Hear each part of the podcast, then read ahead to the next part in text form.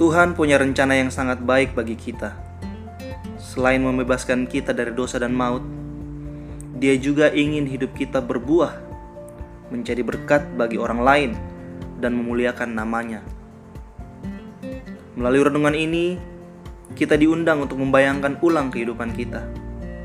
Dengan membayangkan ulang sesuai kebenaran firman Tuhan, kita bisa mendapatkan perspektif yang baru dan terus menjadi relevan.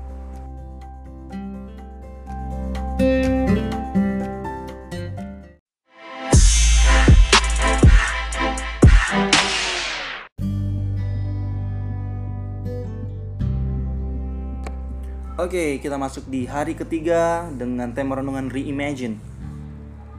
Reimagine um, ayat pendukung dari renungan ketiga ini dari Ibrani 11 ayat 1. Kita baca. Ibrani 11 ayat 1 yaitu iman adalah dasar dari segala sesuatu yang kita harapkan dan bukti dari segala sesuatu yang tidak kita lihat. Ayat berikutnya Roma 15 ayat 13.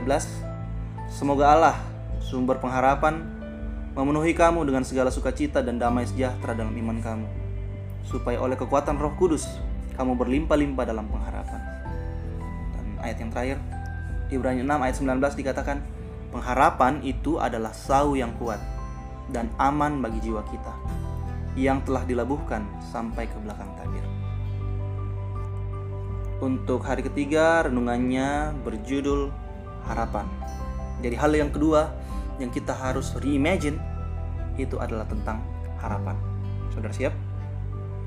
Oke. Teman-teman, saudara-saudara, sering kali kita menyerah, berhenti di tengah jalan, dan berhenti mencoba karena kita tidak lagi melihat pengharapan. Saudara-saudara, satu-satunya yang dapat memunculkan pengharapan saat kita tidak lagi punya pengharapan adalah iman. Saya ulang.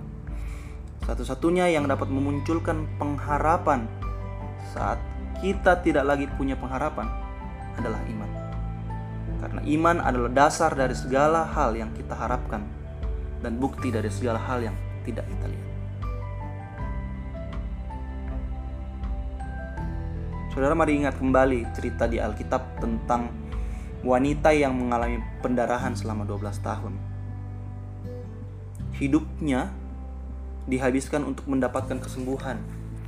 Sampai suatu hari dia melihat Yesus, dia ketemu Yesus yang berjalan dan imannya pun mulai bangkit. Pengharapan pengharapannya yang dulunya hilang muncul kembali dan memberikan wanita itu kekuatan untuk menerobos banyak orang untuk menjamah ujung jubah Tuhan Yesus. Dan saat menjamah jubah Yesus seketika itu juga dia sembuh. Nah, teman-teman, saudara-saudaraku, Tuhan adalah sumber pengharapan kita dan dia mampu membuat kita berlimpah-limpah dalam pengharapan. Kita berlimpah dalam pengharapan agar kita juga bisa menjadi agen pembawa pengharapan bagi orang lain. Ayo, mari bayangkan ulang kehidupan kita mari kita bayangkan ulang pengharapan kita. Baca firman-Nya dan pastikan pengharapan kita dibangun atas dasar janji-janji Tuhan. Semoga ini bisa memberkati. Mari kita berdoa. Tuhan, kami percayakan hidup kami di tangan Di dalam Engkau, kami tidak akan pernah kehilangan harapan ya Tuhan. Kami berdoa juga, pakai juga hidup kami untuk memberikan harapan bagi mereka yang kehilangan harapan dan yang membutuhkan harapan. Ini doa kami Tuhan. Di dalam nama Tuhan Yesus kami berdoa. Amin. Tuhan memberkati. Shalom.